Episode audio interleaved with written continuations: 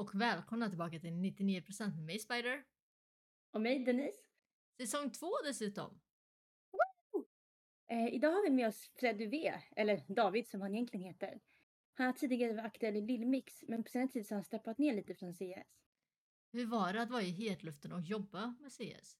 Vad har han för tips till oss och vad gör han nu? Hej David, hur mår du? Jo då, men eh, det är bra med mig. Hur är det själva? Det rullar. Det. Härligt.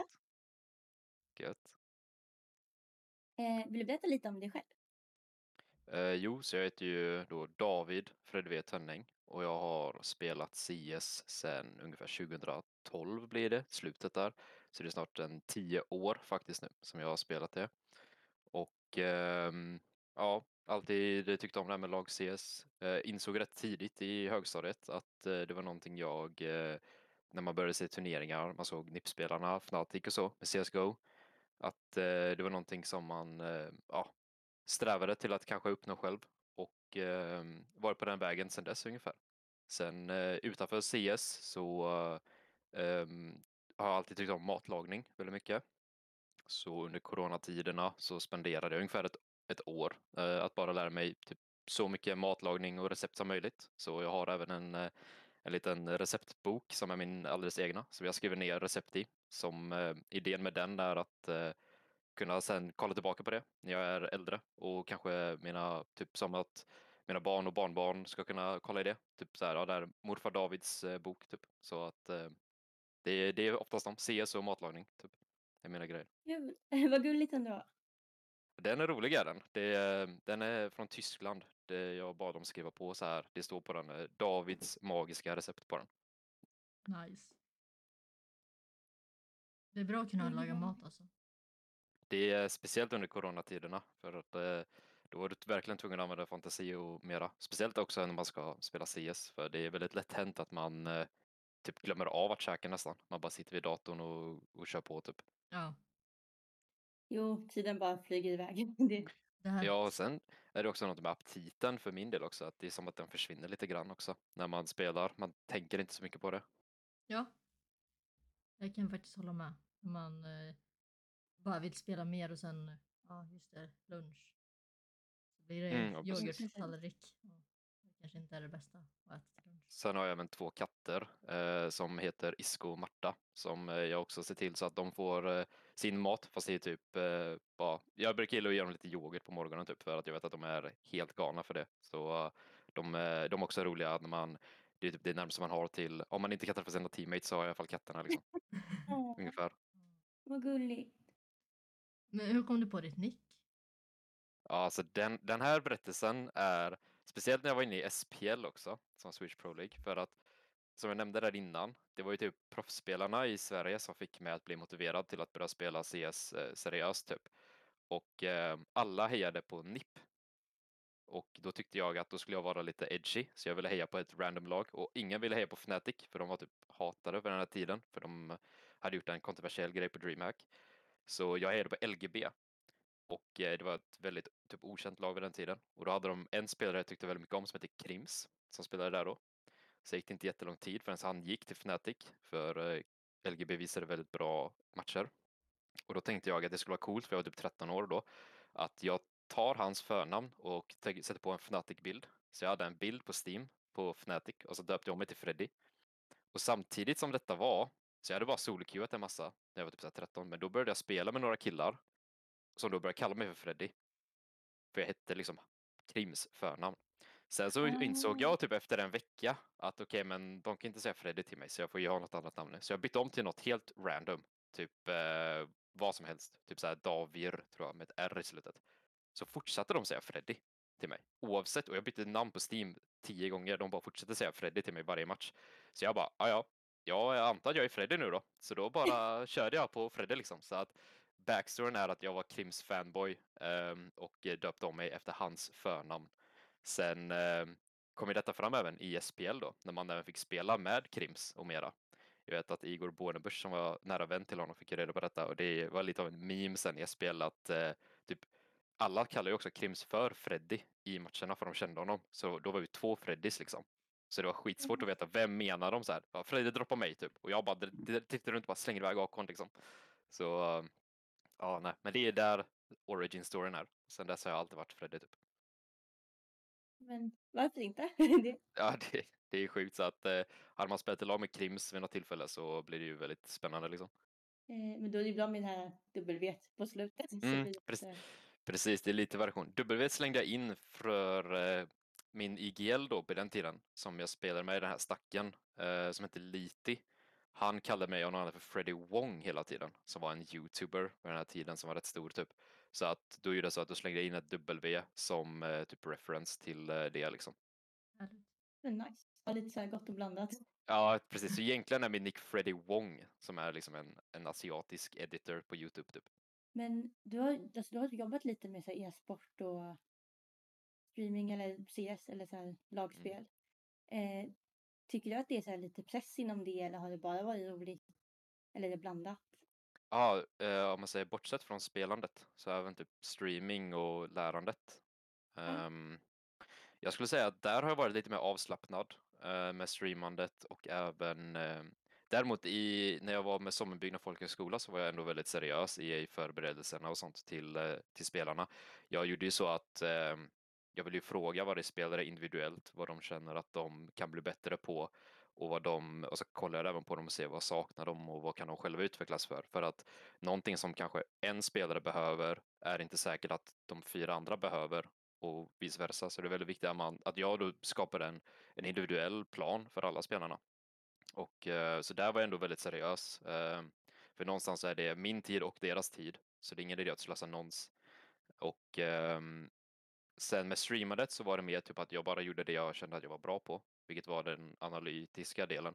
Och så upptäckte jag även att det fanns eh, många som hade intresse av att kolla på det. Och då kände jag att okej, men det är lite samma där att det är ändå en, säg en 30-40 personer som kommer in eh, som ändå spenderar tid eh, av sin vardag för att titta på mig.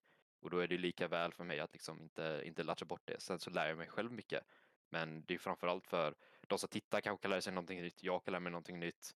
Och ehm, ja, det är ingen idle stream liksom. Men ehm, den närmsta preparationen jag gjorde för det, det var oftast jag, jag kunde lägga ut tweets och veta vad hade mina tittare helst velat se? Så det kunde kanske vara tre matcher. Okej, ni får välja vilken av de här tre matcherna vill ni vi ska kolla på.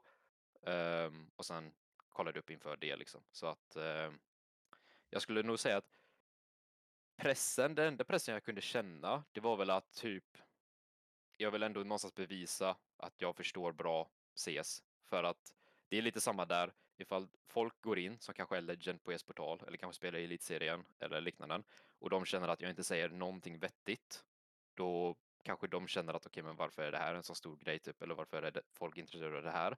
Så för mig så var det ändå viktigt någonstans att kunna showcasea extra tydligt att eh, ja, jag har de kunskaperna liksom som ändå är givande för folk att gå in och titta på.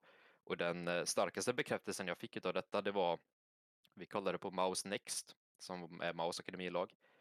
Och ehm, det här var innan JDC och Torsi gick upp till Maus. Exertion, som är en av deras spelare, kommer in i chatten och börjar skriva, för vi kollar på det som Mirage-match då. Och han börjar skriva och jag börjar prata med honom på engelska då. Och det är också en sån här inkluderande grej, alltså har jag kanske då en spelare som Exertion som och skriver engelska, då vill jag ändå att han ska kunna förstå vad jag säger. Alla svenskar kommer förstå vad jag säger om jag pratar engelska. Um, så det är ändå lite respekt för hans del också då, så jag pratar engelska då. Och eh, då var det kul för jag sa typ att ja, Maus vill göra detta nu så de lägger upp de här granaterna för att få iväg en rotation och jag förklarar någonting. Sen frågade jag honom efteråt när jag berättade ut vad jag tänkte idén var bakom hur de spelade. Då frågade de där så här, Sergeant, har jag rätt här nu i hur jag ser hur ni spelar? Att är det här tanken eran IGL har? Är det här tanken i ert spel? Och då skrev han någonting i stil med typ, jag vågar inte säga ja eller nej på detta, men jag kan bara säga att du verkar ha bra read på spelet liksom. Så han ville inte säga typ att ja, ah, du har precis förklarat vår gameplan typ.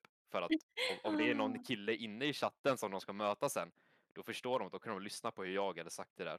Exempelvis. Så det kändes ändå väldigt skönt att få höra det från en spelare som Exertion, att han säger bara, ja men du har bra spelförståelse liksom. Jo. Ja. Nej, men gud vad skönt om du får så här bekräftat att det liksom att det klickar. Ja, Eh. precis.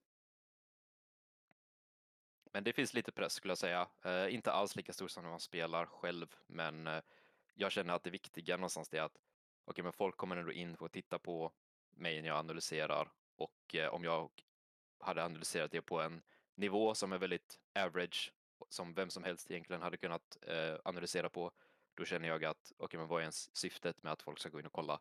Så jag lägger in eh, några extra växlar för att se till så att det är värt för folk att gå in och kolla och till och med kanske kolla tillbaka på repriserna. Goodfellas vet jag gjorde en väldigt intressant grej eh, som jag hade väldigt mycket respekt för dem. Eh, en av deras spelare då, det var för typ något år sedan eh, eller några månader sedan som heter Subreeze. Han kom in och frågade mig om jag kunde hjälpa dem på Overpass typ eller förklara lite på Overpass och då gjorde jag så att då bad han skicka en match till mig när de spelade. Jag eh, tar upp den matchen, jag analyserar hur de spelar och så säger jag till honom typ att ni kan göra detta bättre. Eran AVP-spelare borde ta det här skottet, gå dit och då borde hans A-spelare göra detta. Så ni spelar tillsammans, våga ta risker, göra det vid de här tillfällena, bla bla bla bla bla. Jag pratar upp de här grejerna till honom. Han skriver sen till mig eh, dagen efter. Typ, ah, tack så himla mycket för tipset. Jag samlade hela laget. Vi kollade på vodden och bara antecknade typ allt du sa. Och du ska vi typ jobba med detta. Och jag bara, ja men härligt, ni kommer bli jättebra på Overpass om ni gör de här sakerna jag precis eh, bad er göra typ. Och sen, vi i Lillmix hade alltid strugglat mot Kappabar på Overpass. Vi kunde inte slå dem på Overpass. Det var typ, ja, vi hade typ ingen chans liksom. Och eh, det här är också en sån här bekräftelsegrej som jag också kände att jag typ blev stolt men också lite tilt över. För att eh, vi kunde inte slå Kappabar som sagt. Eh, Goodfellas möter Kappabar typ en vecka senare på Overpass och vinner 16-5. Och jag liksom bara, och Sebris typ, jag vet inte, jag fick kontakt med någon i Goodfellas typ, och de bara, ah, tack så mycket för tipset liksom. Vi spelade hur bra som helst typ. Och jag bara, varför kan inte vi slå Kappabar 6-5 typ? Uh, vad är det här? Uh, men då så bara, ah, ja, men det var ändå väldigt skönt att få känna den känslan att okej, okay, liksom, de lyssnar på det jag har att säga, de tar till sig det. Uh, sen har jag också pratat med Kappabar-spelarna och de vill ju aldrig höra den matchen någonsin, så det är därför jag nämnde den också. men ja, de var ju inte kanske jättenöjda med sin egna prestation heller den matchen, men jag tyckte Goodfellas tog till sig av det och det var också en bekräftelsegrej som var väldigt um, skön att se typ att det jag visar, inte bara för min skull utan de som tittar kan också lära sig ta med väldigt mycket liksom. Jo, nej men att det man liksom förmedlar värderas och tas in. Ja, och också att det är typ det inte slöseri på tid för folk att gå in uh, heller. Alltså de, de behöver inte bara sätta mig på andra skärmen typ och, och softa typ, utan sätter de på ljudet och tittar om de känner att de vill lära sig så kommer de faktiskt kunna få göra det. Och det tycker jag är väldigt viktigt. Um, jag har en pedagogisk känsla, jag menar, jag tycker om pedagogik av någon anledning, jag tycker om att lära ut. Nej, men då kan jag tänka mig att så här, äh, just kring pressen så kanske det är mest press kring förväntningar, men att det ändå liksom går att leva upp till för att man man kanske brinner för eller man liksom får här, ge och ta respons. Mm. Ja, ja, men det skulle jag faktiskt säga är väldigt sant. Um, det är ju det. Sen kan det ju såklart vara att om någon kanske kommer in och har en jätte, jättehög förväntan så kan hon inte säkert leverera till det. Uh, men pressen är ju ändå att jag vill känna att det ska vara värt att gå in och kolla. Um, och att jag vill inte känna mig som sagt som average Eh, och det är i många aspekter, inte bara inom streamandet liksom. Men att för någonstans då känner jag typ att okej, okay, om jag ändå går in och har en average stream och inte bryr mig så det jättemycket, då känner jag någonstans att okej, okay, men då är jag ju liksom, vad, vad är typ lite syftet bakom streamen? Då hade jag lika gärna kunnat eh, göra någonting annat eller inte gått live eh, eller mera liksom. För det är skillnad om du ska gå live och vara rolig och visa content. Det har du en helt annan grej till liksom och det kommer du själv ha kul med. Eh, så för mig med de här demo-streamsen så var det viktigt att typ ge value till, till tittarna liksom. Okej. Okay. Eh, vad gör du nu för tiden? Om man... eh, så nu så har jag eh, de senaste månaderna så har jag fokuserat mycket på typ att studera och så har jag jobbat lite vid sidan av för att kunna betala hyra och mera. Men eh, jag har studerat inom eh, programmering generellt sett, sökt lite utbildningar som frontend-utvecklare och även webbutvecklare. Så det är mycket det man kan skriva i HTML, CSS och JavaScript. Sen har jag ju såklart inte släppt CS, liksom. det är fortfarande något som är väldigt nära till en, så man har ju ändå hållit sig uppdaterad, kollat matcher, eh, följt lag, se vad som händer i svenska serien och sånt. Och sen eh, rätt nyligen nu då, bara senaste veckan, så har jag ju även börjat spela CS igen och eh, tagit upp det, så att det är någonting jag också har vid sidan av, så att för mig just nu så är det ju lite jobb, eh, studier och eh, CS-spelandet igen då. Och så Mm. matlagningen då. Som, den är ju typ alltid Mm, med liksom. Men, Det är viktigt med matlagning. ja, men det, det är någonstans, eh, så man har fler intressen typ, så man inte bara grindar hela tiden och gör saker liksom. Men, eh, nej, programmeringen har också varit rolig. Den har varit en, det är alltid kul att lära sig några nya saker, speciellt utmanande saker. För att det är ju någonting man inte direkt är van vid överhuvudtaget. Det är ju någonting helt annat eh, än vad man kanske i vanliga fall lär sig om i skolan eller, eller sådär.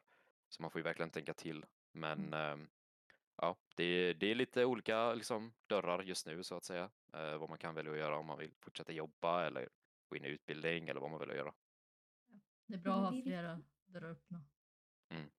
Jo, nej, men det blir lite som inte första fråga hur det kom sig att du tog steget tillbaka från CS. Mm. Eh, men då kanske det var lite för här, få lite mer möjligheter att utveckla. Ja, sen var det också lite svårt ehm, för att någonstans så kände jag väl typ att vid något tillfälle så jag visste inte riktigt vad jag ville göra eh, heller, utan det kändes någonstans som att okej, ehm, är detta rätt för mig? Kunde jag börja fundera. Och det har jag inte funderat på innan. Och jag kände väl kanske att jag var inte ett jättebra alltså mental place heller faktiskt, eh, när jag började fundera på det. Jag kan känna nu i efterhand att det var ett litet hastigt beslut också. ehm, som ändå lärt mig en del saker om mig själv. Men att jag kände att jag, eh, någonstans kände jag, att jag var inte riktigt klar med CS heller. Och det är lite därför jag också börjat spela nu igen. För det är, alltså det är svårt att, om du har någonting som du har spenderat flera år på, typ dag in dag ut, att sen en dag eller en vecka senare, typ bara totalt lämna det. Um, och det var lite det jag typ gjorde. Och eh, jag menar, det har ändå lärt mig en hel del så jag ångrar inte att jag gjorde det. Men eh, det öppnade ju upp också att okej, men vad ska man göra nu? Och vad vill man göra? Och eh, ja, någonstans så får man ju liksom fundera lite på sig själv här nu då. Bara, okej, men vad, vad känner jag är rätt för mig om jag bara tar ett beslut själv här nu? Och ehm, ja, det var väl egentligen det som, det som fick mig gå ifrån CS, det var typ att jag kände någonstans att jag började sakna typ en framtidsvision. Men jag tror det hade att göra på grund av rätt mycket yttre faktorer eh, och typ att jag var själv typ lite delusional at the time. Så ja, jag, jag tror nog ändå att, eh, men det lärde mig nog en hel del, men jag skulle säga att eh, det är inte någonting jag har liksom begravt eller vad man ska säga, utan som sagt, jag spelar nu, eh, tagit upp det igen, eh, samtidigt som jag gör lite andra saker. Så, eh, men ja, det lärde mig ändå någonting, det steget ifrån jag tog, men det var liksom inget eh, permanent avslut, om man ska säga så. Jo, nej, men jag tror att det är viktigt att ändå kunna så här, bara för att man stänger vissa dörrar så behöver man ju liksom inte låsa dem. Alltså att är så Mm. här, man kan alltid gå tillbaka, man kan lämna på glänt, man kan öppna fler dörrar samtidigt. Alltså som Mm. du säger, att man liksom forskar vad man gillar och ja, typ det här du nämnde om programmering och utbildning är också jätteviktig. Att, Mm. Jag tycker det är viktigt att man inte så här, typ, alltså, om man säger bokstavligt talat bränner broar liksom, eh, utan att man någonstans kan ha bra liksom avslut på olika håll och att det inte är liksom permanent avslut. Um, sen var det också typ, när man är mitt i någonting så är det också svårt att se det, eh, liksom vad det faktiskt är. Så att någonstans hjälpte mig också att ha lite tid ifrån, få lite helikopterperspektiv på det, prata med familj och, och vänner liksom. Um, för någonting som jag upplevde i alla fall då, eh, på tal om det här med att man är lite ett mental typ. Uh, alltså jag var typ ett dåligt mental place liksom. Uh, för jag började märka typ att jag inte riktigt typ uh, tog hand om mig själv kan man säga. Utan det var så här mycket fokus på mycket annat som inte riktigt rörde mig. Utan det var typ att jag alltid tänkte på, ja, att kanske inte tog mig själv först uh, överhuvudtaget. Och det är väl någonting som det lärde mig att om det är någon som man ska ta hand om så är det sig själv typ. Sen kan man börja tänka på andra liksom.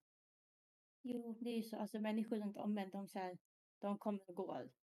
Men Mm. man kommer alltid vara med sig själv, vare sig man vill, vill eller inte. Så det, Ja, exakt.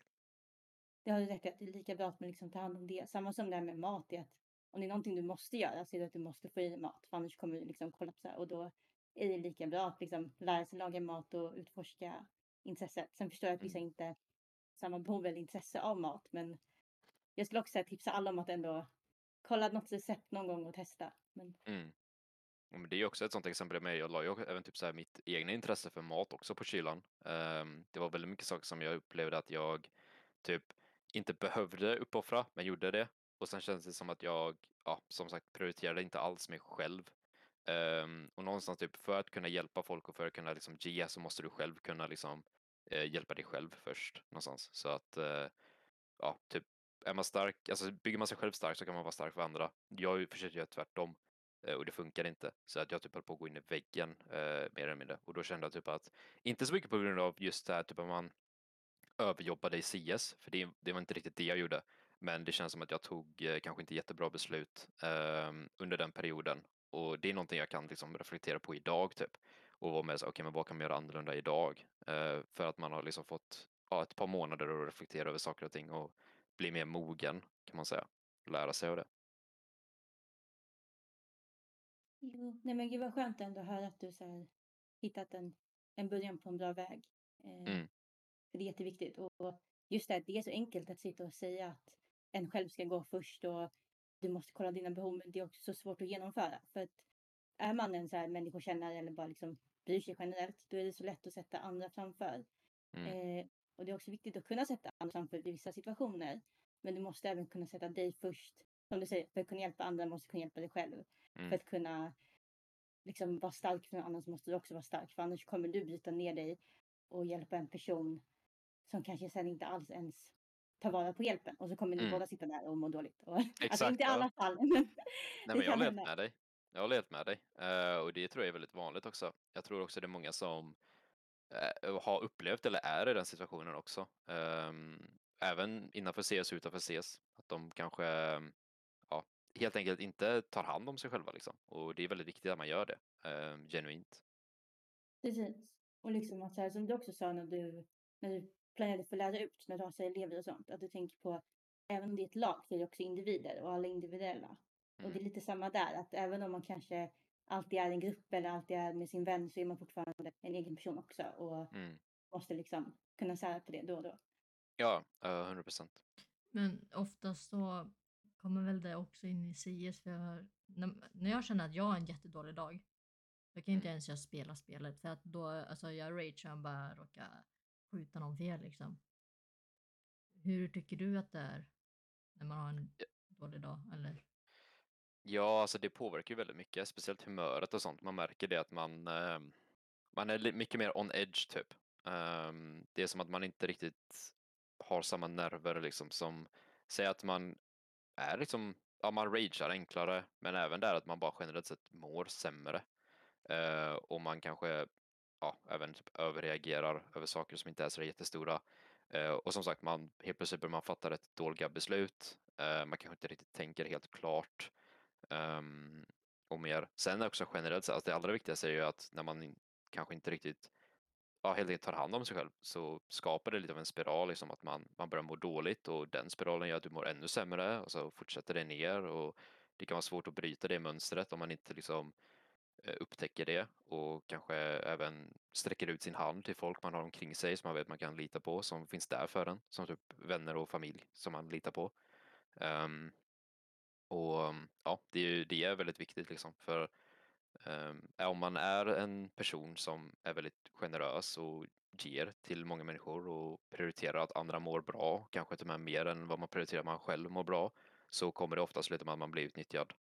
Eh, och det är tyvärr eh, väldigt sant. Och därför så är det viktigt att man någonstans kan ehm, ja, upptäcka det liksom och försöka se till så att okej, men om jag mår bra så kan jag se till så att andra mår bra.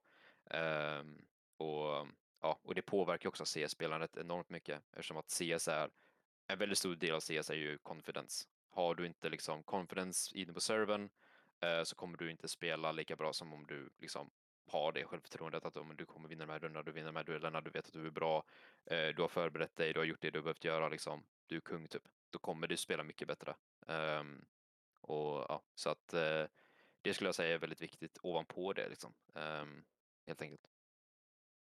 Är det därför vissa spelar mycket bättre när man har musik i lurarna? Uh, ja, det, det tror jag är en individuell grej. Uh, för det är inte någonting som jag har hört så jättemycket om. Jag vet att det finns vissa spelare som uh, till och med i turneringar och sånt gör det.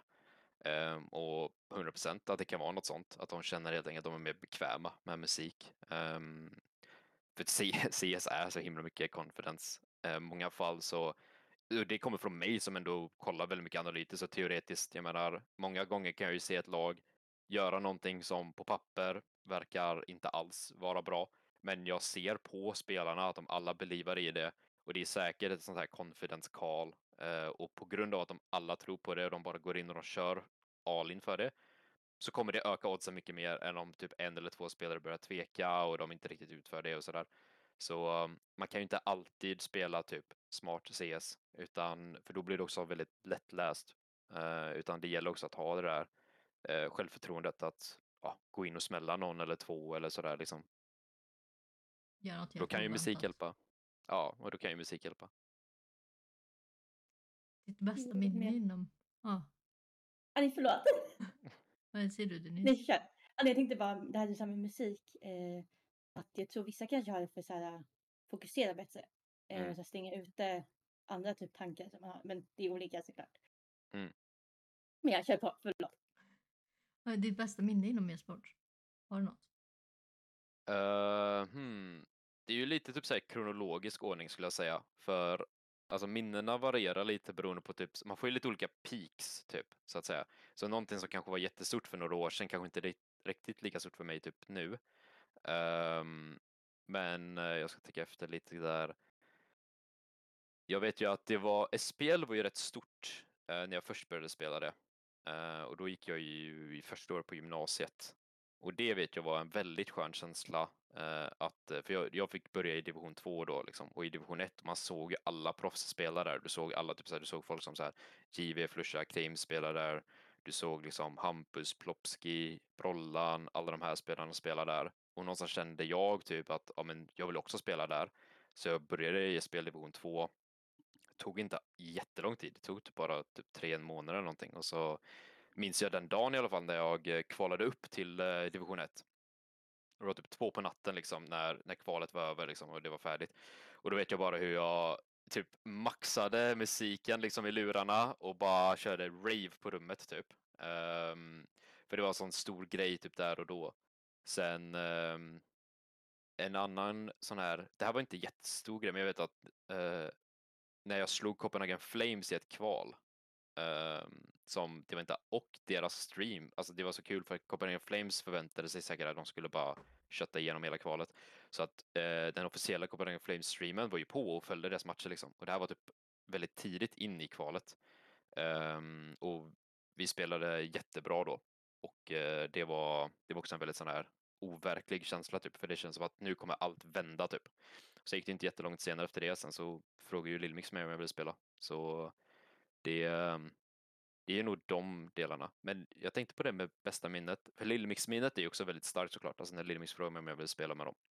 Eftersom det var ju en spelare man hade sett upp till och eh, visste var väldigt bra, som man dessutom hade mött många gånger. Eh, men samtidigt som man då får den väldigt goda känslan så minns jag det var jobbigt att sen behöva gå till sitt dåvarande lag och säga att man kommer liksom gå iväg typ eller att man har fått ett erbjudande eller sådär. Ehm, och um, ja, så det är ju alltid så här lite typ give or take med sådana situationer. Men hur kändes det? Alltså kändes det som du svek ditt gamla lag eller hur? Jag skulle, jag skulle säga att till mitt gamla lag, jag var väldigt lojal till vår kapten som heter Mace. Han spelar ju Fnatic Rising idag, eh, vilket är deras akademilag. Eh, och det, det som var så himla intressant med det, det var väl att jag och Mace hade spelat tillsammans då i nästan ett år och eh, jag hade varit med honom. Vi var ju uppe så här, vi båda spelade heltid då. För jag hade lovat mig själv efter gymnasiet att jag skulle ge CS ett år full drive 100% eh, innan jag ville göra någonting annat. För jag upplevde alltid att skolan typ hindrade mig från min typ potential att faktiskt liksom se hur långt kan jag gå med detta. Eh, för jag har alltid varit väldigt ambitiös i skolan och, och sådär liksom, så jag ville inte liksom bara strunta i det. Liksom, och det var svårt att balansera de två. Så under det året då spelade jag och Mace tillsammans och eh, ja, vi spelade fulltid så att eh, typ nio på morgonen möttes vi, bara jag och han, och så satt vi och förberedde inför varje träning. Träningarna var sedan 14, så jag och mig satt ju liksom, vad blir det? Ja, det blir liksom en, ett par timmar helt enkelt innan träningarna och sen hade vi träningar fram till typ nio på kvällen. Och sen så satt jag och Mace kvar efter träningarna eh, i typ en, två timmar. Så, och det hade vi gjort i kanske ett halvår tillsammans. Så att jag umgicks ju mer med Mace än någon annan person liksom. Um, och då blev det att det var så här svårt typ att sen behöva gå till honom och säga detta, kände jag. Jag fick ju så här förbereda jättemycket hur jag skulle framföra det. Och han var så himla god då, för jag vet att det typ, jag vet jag typ rantade på i typ så här tio minuter. Eller eh, nej, jag hann inte ens ranta på, jag rantade typ tre minuter och sen så bara avbröt han mig och bara så här, Freddy det är lugnt liksom. Jag förstår, jag förstår erbjudandet, det här är ett bra erbjudande liksom. Du behöver inte vara ledsen typ. Alltså du behöver inte vara, du behöver inte känna något sånt, utan ta det typ. Eh, uh, Medan vår coach vid det tillfället, han var typ aslack på mig. Så det var typ så här, han typ bara nej, alltså det, det är ett dåligt move typ. Uh, du borde stanna med oss typ så här. Så han var inte alls lika supportande. Men uh, alltså det var ändå skönt att känna typ att mig som jag var så nära med uh, helt enkelt bara respekterade det. Så det är väldigt kul att se honom göra så bra ifrån sig. Och det, det sa jag från dag ett, för hans arbetsmoral är off the, off the plan liksom. Det är bra med sådana som stöttar en och tar liksom nästa steg. Mm. Istället för 100%. att folk som håller kvar en. Det är ju, det är ju en sån här rätt viktig grej, typ speciellt när man börjar spela typ seriöst, alltså när man börjar spela i lag och sånt. Att kunna identifiera typ vilka i det här laget liksom vill ändå att man ska bli bättre och stötta den liksom. Ehm, och att man typ kan inse det typ att okej, men det kanske inte är värt att spela med mina polare för de kanske inte vill detta lika mycket som jag vill och att man då kan gå ur sin kompiskrets för att spela med folk som vill bli bättre typ. Ja. Jo, och ändå kunna här, alltså inte se någon som konkurrens utan liksom ha sitt eget mål, stötta Mm. andras mål och liksom ha en supportsida också. Liksom. Ja, precis. Alltså samtidigt som typ en spelare i laget utvecklas så utvecklas ju samtidigt laget på det. Alltså om, om alla fem utvecklas så blir ju hela laget bättre, bara per Precis. automatik. Ja, Men sånt är ändå jätteviktigt. Eh, men nu när du sagt lite olika intressen och saker och plugg, eh, har du något drömjobb just nu? Ehm, alltså just nu är det ju väldigt svårt att säga. Ehm, jag menar det ju, finns väl ingenting som skulle dyka upp så här rakt ut. Jag bara, det här hade jag velat ha. Men eh, det var ju CS, alltså CS-proffs har ju alltid varit liksom det sen man typ var liten. Jag tror typ att drömjobbet för mig någonstans ligger typ ändå lite kvar i det där. Eh, att typ, att kunna ha sin egna typ major sticker liksom. Jag tror nog det är drömmen för väldigt många spelare. Ehm, just att på något sätt, för då typ så här immortaliserar du dig själv i spelet eh, som du ändå har spenderat så mycket tid på. Så att eftersom att jag inte riktigt, det har inte kommit upp någonting annat som jag skulle säga är så här, typ okej det här är definitivt vägen jag hade velat gå, så är nog liksom typ ändå en, typ ett C, alltså typ ett high tier CS-proffs liksom hade ändå varit liksom riktigt sjukt om man hade fått ha den, alltså speciellt med stickersarna, eh, för det är en sån stor grej och typ alla som spelar CS drömmer om det. Så det Mm. hade jag sagt.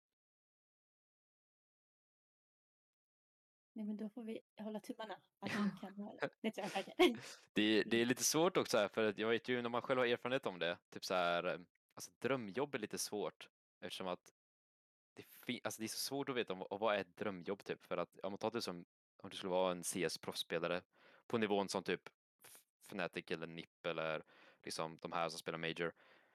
Alltså man vet ju själv det, alltså pressen att spela på den nivån typ varje match är ju, är ju liksom helt otrolig så att det, är ju- där man måste ha sån himla stark eh, känsla inombords typ att alright men det är värt alla uppoffringar typ. Eh, Ja. liksom. Det är som med typ hockeyproffs, fotbollsproffs, alla typer av eh, atleter på, på elitnivå. Det är så otroligt mycket upp, uppoffringar som går in i det. Um, alltså typ jag hade typ förvånat mig om drömjobbet är egentligen typ att vara typ Avanza-miljonär och jobba typ på Hemköp liksom. Det är typ så här, du bara står och shufflar typ chipspåsar typ och så är du miljonär liksom. Jo, men jag tror att det är mycket, som du nämnde, att det är mycket så här känsla också. Att Mm. det kanske är mer en drömkänsla man vill ha av ett jobb än just ett jobb. Eller just en sak man gör på ett jobb. Eh, som att vissa kanske inte tycker att drömmen är, ja nu vet inte jag vad jag pratar om. men att drömmen är att typ sitta på ett kontor i liksom tio timmar. Men Mm. känslan de får av det kanske är drömkänsla. Mm. Ehm, och insåg just att jag typ flummar sönder här. Men ja. Nej, jag tror, jag tror det är sant, alltså här, just känslan över vad det är du gör. Måste typ, det måste ändå finnas någon form av mening i det. Och det är därför jag tror typ att just känslan inombords är så viktig. För, ja, tar vi typ som alla CS-proffs. ehm, det är ju mycket som, det, alltså inte bara nog med tiden men också allt annat vid sidan av liksom. Um, det måste kännas värt att göra det. Typ. Mm. Men tips till de som vill nå toppen? Uh, alltså det är ju såklart mycket erfarenhet och sånt. Uh, turneringar, att bara spela så mycket turneringar som möjligt.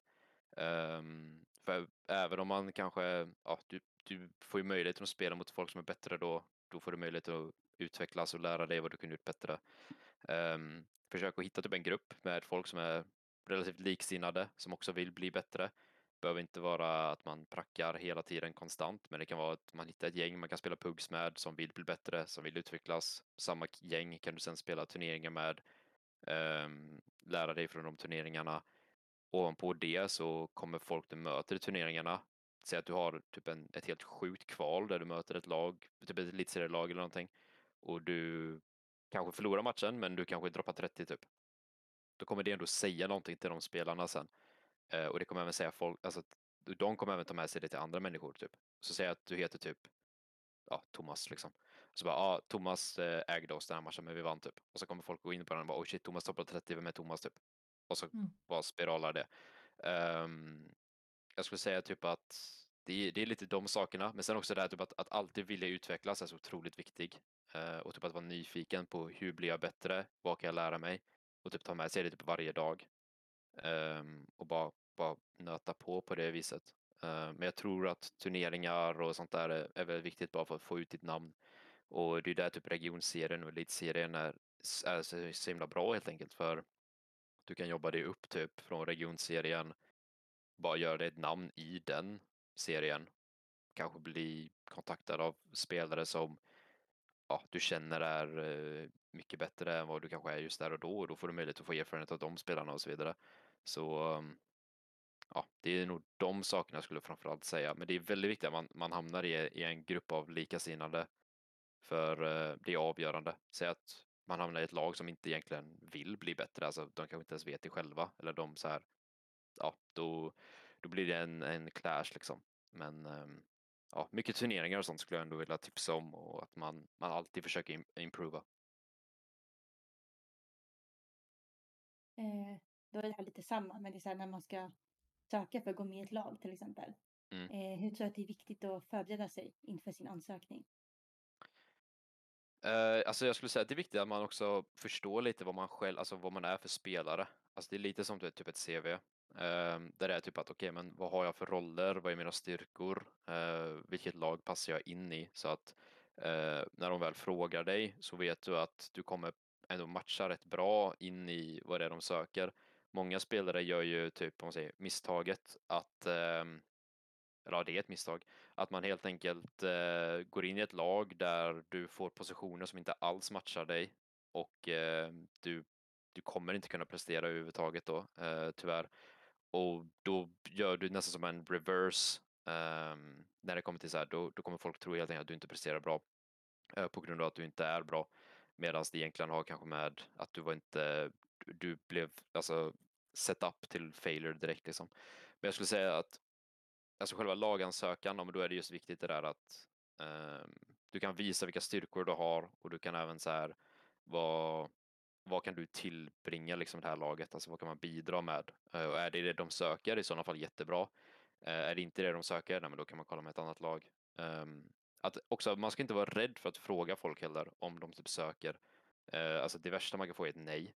Och då är du ändå i samma situation som du var innan.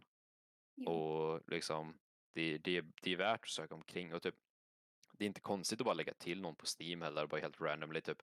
Eh, och accepterar dem. Men ja, då kan man säga det. Ja, tja, jag tänkte undra om vill ni prova med att spela typ? Jag söker lag. Jag är, alltså kan man bara försöka sälja in sig själv lite grann.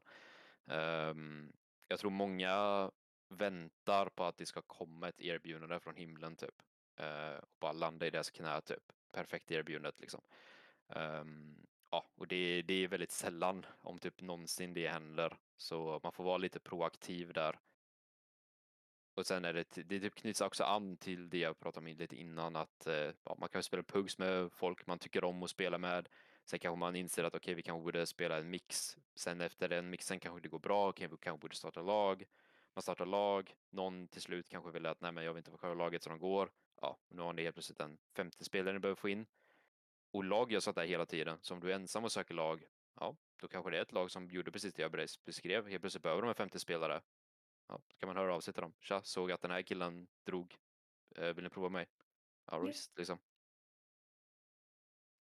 Jo, men jag tror att det är den här, äh, det låter- som att det är den här fina balansen mellan att vara väldigt öppen och samtidigt vara lite bestämd och veta vad man vill. Så att man inte liksom dras med och får det här som du pratar om, att man kan få fel roll och så funkar det inte alls. Ehm, men ändå ska jag våga testa nya saker. Ja, alltså det, det, jag skulle vilja typ, för att jag vet att vissa har blivit lite brända av att typ, eh, att de har bränt sig på att, eh, i alla fall när man kommer upp i kanske typ så här en nivå som säger lite nivå där det är ändå viktigt vad folk säger om dig. Vilket gör att om du då väljer att gå in i ett lag så är du nästan vet redan innan att du kommer inte kunna prestera. Ehm, det kommer kunna skapa en kedjereaktion som inte är så jättebra för ens rykte typ. För att ja, du kommer helt enkelt eh, inte få ut det mesta av dig som spelare liksom. Medans jag tror att på lite lägre nivåer, eh, vi kan prata runt Challenger-serien, eh, då är det värt att bara gå för det. För att vid det tillfället så har man oftast inte ens upp, alltså byggt en uppfattning om vad man är som spelare. Eh, och det kommer man upptäcka typ av att bara spela mer och mer och mer. Jag menar typ när jag började först spela, då var jag ingen ankare. Jag sprang ju bara runt och sköt liksom. Och det var inte så mycket mer man tänkte, man var ju typ 15-16 år. Eh, men insåg sen att av att spela mer och mer, typ att nej men det är inte så många som spelar de här B-hus Mirage och sånt där. Så då kan lika gärna jag försöka specialisera mig på det.